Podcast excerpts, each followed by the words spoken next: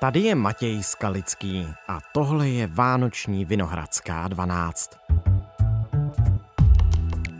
Volat, psát, surfovat, sledovat, poslouchat, číst, hrát si, fotit nebo nahrávat. To všechno pravděpodobně umí i váš mobilní telefon. Nejste na něm závislí? Nestávají se z vás mobilní zombí? A proč se mluví o krvavých diamantech a ne o krvavých mobilech? Rozebírám s mimořádným hostem Jusim Parikou, mediálním teoretikem a profesorem digitální estetiky a kultury z Orhuské univerzity v Dánsku.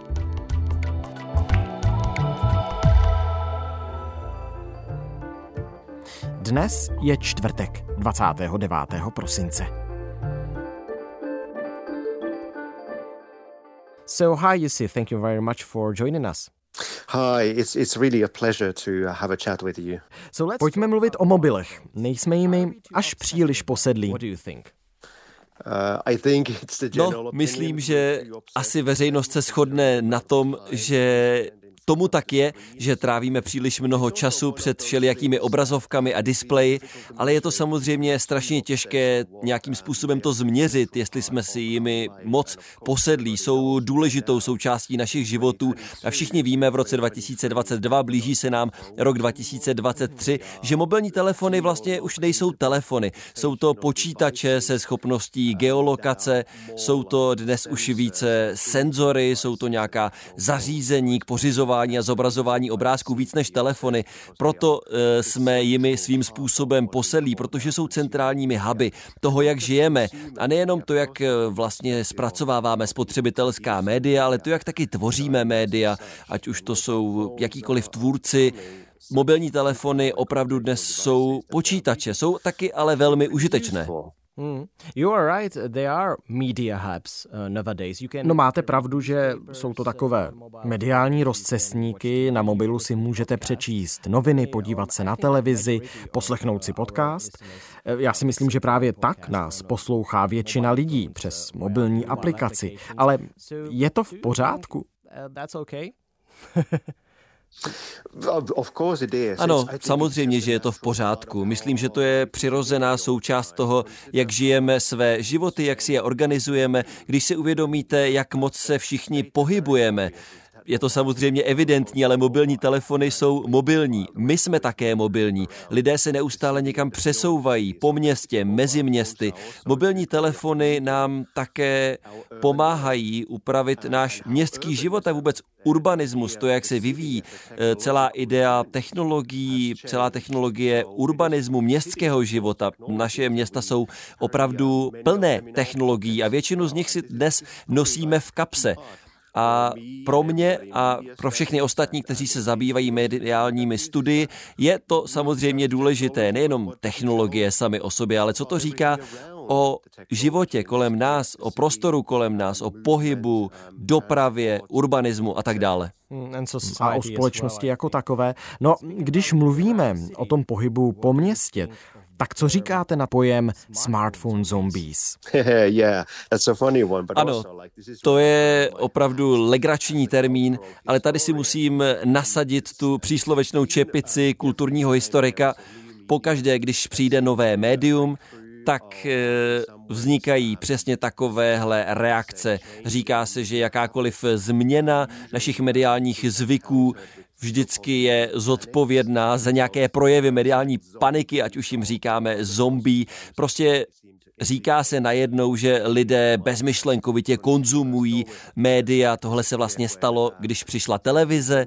Před lety o tom se mluvilo před několika dekádami, teď tu máme mobilní telefony, ale i když bychom se vrátili několik staletí zpátky, tak eh, vlastně i vynález eh, románu, to, že lidé začali víc číst, ono to vyvolalo hodně podobnou reakci. Tenkrát to bylo taky genderové, protože najednou vznikla panika, lidé říkali, co se bude dít se ženami. Teď, když si čtou, teď, když eh, tráví svůj čas v těch fikčních světech.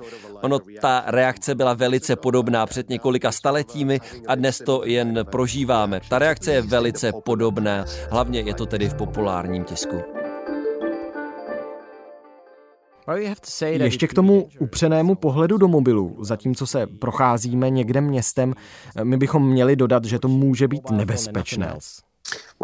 No, víte, samozřejmě, je to tak, život je nebezpečný, nebezpečí na nás číhá lec kde, ale ve městě samozřejmě je celá řada dalších nebezpečných věcí. Pokud bych něco měl zakázat, tak bych asi na prvním místě nezakazoval mobilní telefony, ale soukromá auta. Automobilová doprava mi přijde nebezpečnější.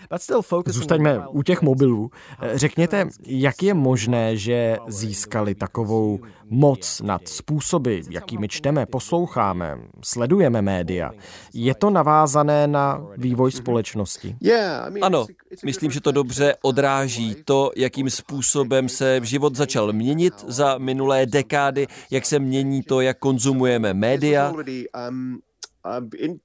Už na začátku mé akademické kariéry jsem se účastnil projektu, který vypsala Evropská unie. Týkalo se to mobilních médií, mobilní zábavy a mluvilo se tam korporace a další tvůrci zmiňovali před nějakými 20, 25, 30 lety. Řekněme před 25 lety. Ty diskuze vypadaly přesně takhle.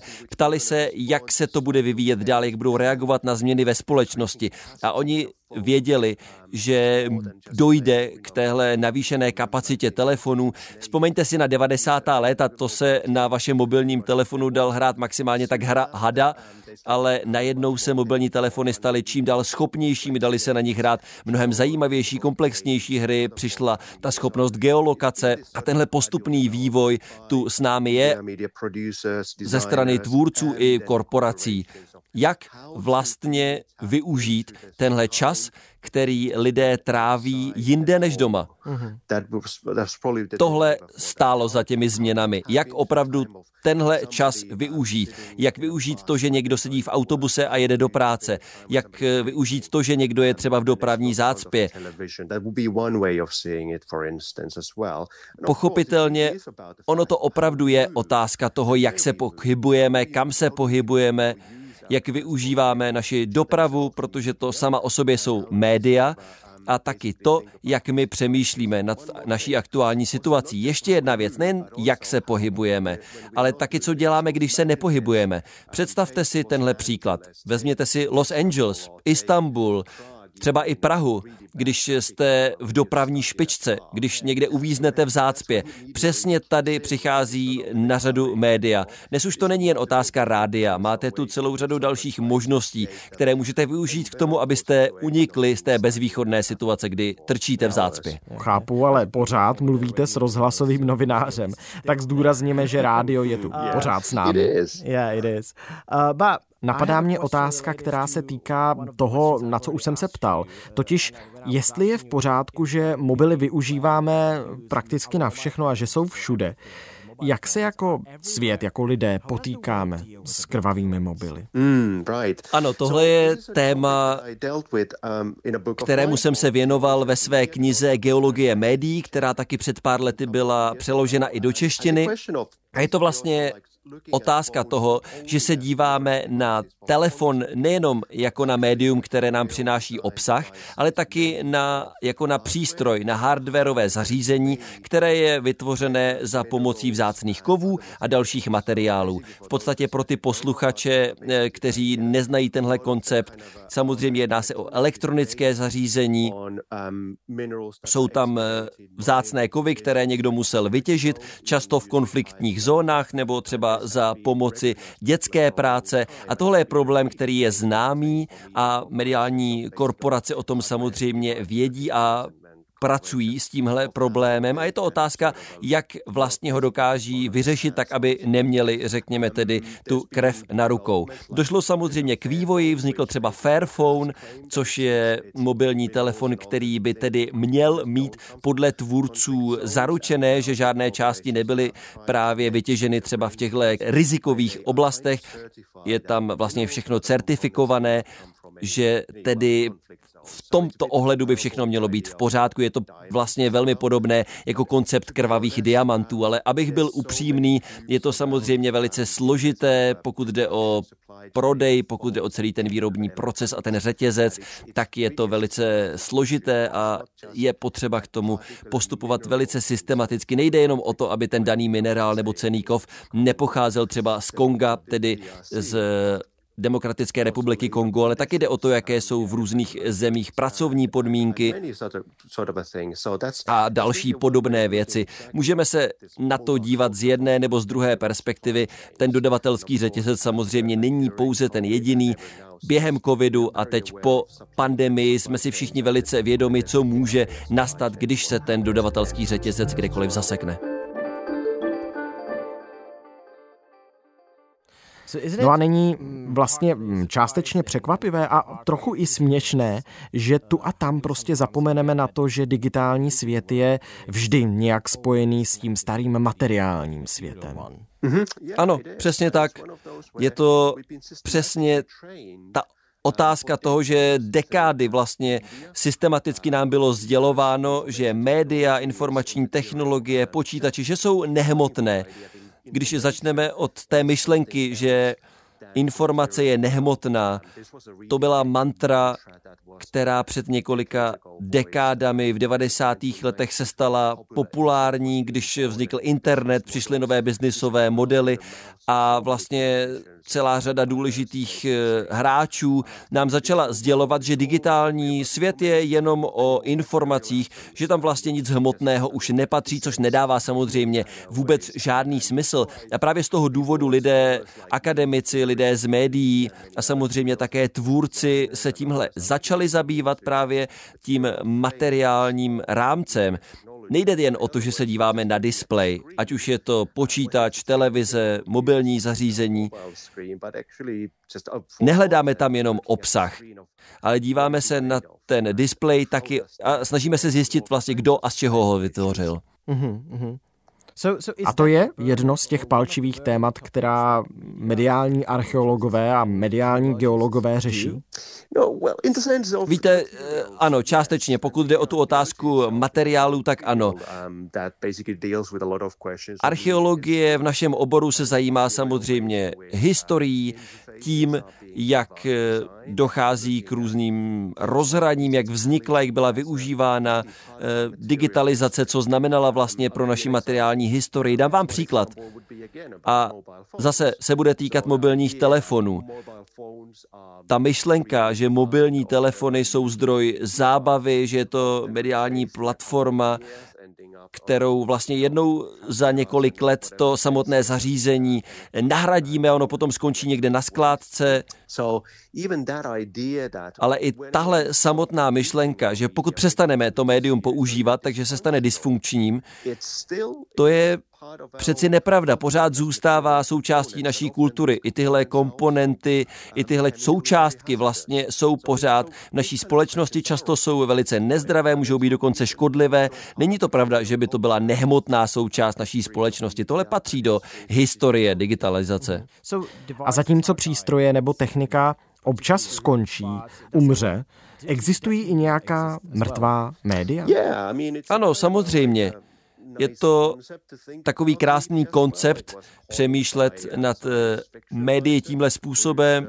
Bruce Sterling v 90. letech přišel s tímhle termínem, tenkrát byla zlatá éra nových digitálních technologií a on začal dávat dohromady seznam těchto vymřelých médií. V podstatě těch, která někdy byla v minulosti využívána, ale dnes už vlastně neexistují. Další hezký příklad eh, by byl asi telefon s rotačním číselnicí, číselníkem, vytáčecí telefon. Mladí lidé dnes vůbec netuší, co to bylo vytáčet telefonní číslo tímhle způsobem.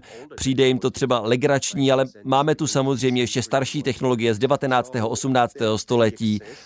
Samozřejmě jsou stále k dispozici, muzea jsou jich plná, třeba i naše půdy často jsou jich plné, protože tam se zbavujeme našich věcí. Ale ano, je prací lidí, jako jsem já, teoretiků, historiků, aby se tímto zabývali, abychom to připomínali, že tohle je naše historie, že ta zařízení existovala a že tu pořád s námi zůstávají že nikam neodešla. Mhm. Zajímáte se také o proces remediace? Ano, to je asi součást eh, širší práce, kterou děláme. Znamená to, že stará média jsou nějakým způsobem znovu objevena nebo přetvořena, zakomponována do nových médií, eh, k remediaci zase dochází skrze eh, tedy mobilní technologie, ať už jsou to zprávy, rádio, které znovu tedy je přetvořené třeba jako podcast, dochází k těmhle cyklům znovu objevování zapomenutých věcí a myslím, že to je jedna z nejskvělejších věcí, které lidé v produkci médií mohou s nimi pracovat. Říkají si, jaké nové věci bychom mohli vymyslet. Nejenom tedy, že ta novost přichází úplně jako tabula ráza, ale je tu věc, kterou můžeme zrecyklovat, je tu mediální historie, je tu archiv skvělých nápadů, některé z nich jsou zapomenuté a je možné je znovu přetvořit, upravit a používat, pokud jde o obsah, materiál a to, jakým způsobem média a zařízení využíváme.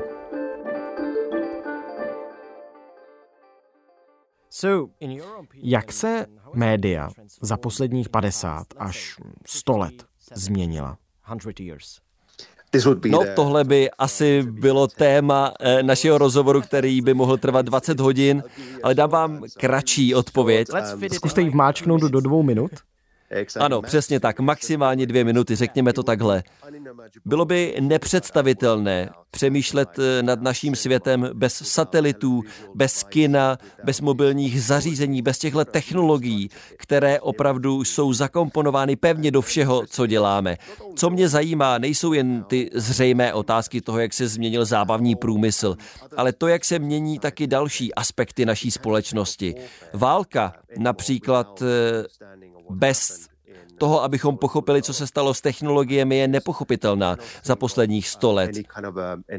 Jakékoliv věci týkající se životního prostředí nefungují, když se na to zaměříme úzce. Bez technologií, které jsme objevili, nic z toho, co víme, neplatí. Tohle jsou důvody, které nás nutí zkoumat nejenom, jak se změnila média, ale změnilo se všechno. Změnily se naše vědomosti, změnilo se to, jak jsou naše počítače silné, jak jsou rychlé. Ve válce vidíme, vojenský průmysl taky je vždycky velice důležitý, proto velice často on je zdrojem technologických změn a nových vynálezů. Vidíme to třeba i na tom, jak a jakou rychlostí získáváme informace. Podívejme se na historii internetu. Ten se také částečně zrodil z vojenského výzkumu. A vůbec vezměte si v tomhle srovnání, že my teď spolu mluvíme přes WhatsApp. Vy jste v Dánsku, já jsem v Česku, v Praze. Takzvaní osint novináři ti těží z digitálního vývoje, z vývoje internetu. Určitě bychom nevěděli tolik o ruské invazi na Ukrajinu, kdyby nebyl internet. Média, ta se skutečně hodně změnila za poslední století. Přesto v rámci těch médií nebojíte se moci, kterou získali sociální sítě? Asi v tom smyslu, kolik pozornosti na sebe strhávají a jak můžou být zneužita pro válečné úsilí a dezinformační kampaně, tak asi ano. V tomhle jsou asi nebezpečné a je to strašné a je to šílené, jakou moc mají. A my to velmi často vlastně nejsme také schopni ani vidět. O tom se mluví samozřejmě, vidíme to, jak například rusové podnikají různé operace, ale jde to taky do těch šedých zón, pokud jde o dezinformace, jejich šíření, ať už to byla brexitová kampaň, kampaň prezidenta Trumpa, mnoho neofašistických a opravdu dalších sil v Evropě, které je zneužívají. Ano, tohle je jeden z těch důvodů, proč je velice důležité se tím zabývat, proč je důležité o tom mluvit a hovořit o tom, jakou roli by měly hrát v našich komunitách a jak právě tyhle extrémní formy nepřímého nebo někdy taky velmi přímého násilí díky nim vznikají. A nechtěl bych zapomenout ani na to, co jste teď zmínil. Opravdu dokážou přinést taky velice zajímavé zdroje, mohou pomáhat eh, Human Rights Watch, eh, celé řadě dalších lidskoprávních organizací. Opravdu, jako vždycky, je tu celá řada pro i proti. Já mám další otázku na příštích minimálně 30 minut. Jaká je budoucnost médií? Ano, to je vždycky ten okamžik, kdy musím říct, že jsem historik a že bych o tom opravdu mohl mluvit dlouho, ale zároveň my vždycky chceme samozřejmě vědět, jaká bude budoucnost médií. Myslím, že to nejzajímavější, co se bude dít, opravdu se nebude týkat eh, té oblasti zábavy.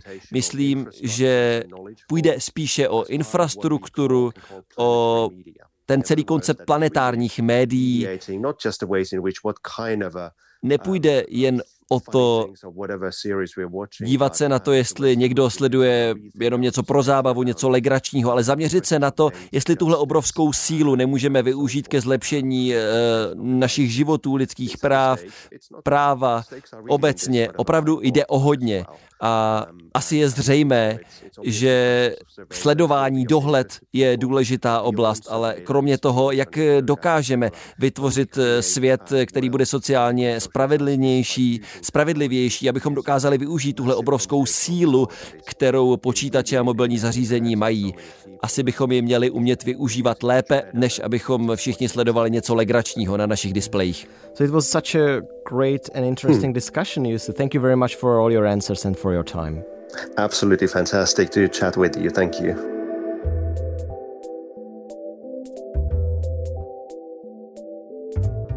Tohle už je všechno z Vinohradské 12 podcastu Českého rozhlasu. Dnes speciální vánoční epizoda s Jusim Parikou, mediálním teoretikem, kterému nedávno v češtině vyšla kniha o mediální archeologii, kterou jsme spolu ostatně probírali. Přeložil ji Martin Charvát. Naše další epizody najdete jako vždy na webu iRozhlas.cz v aplikaci Můj rozhlas a ve všech dalších podcastových aplikacích. Poslouchejte nás kdykoliv a kdekoliv chcete, i mezi svátky. Naslyšenou zítra.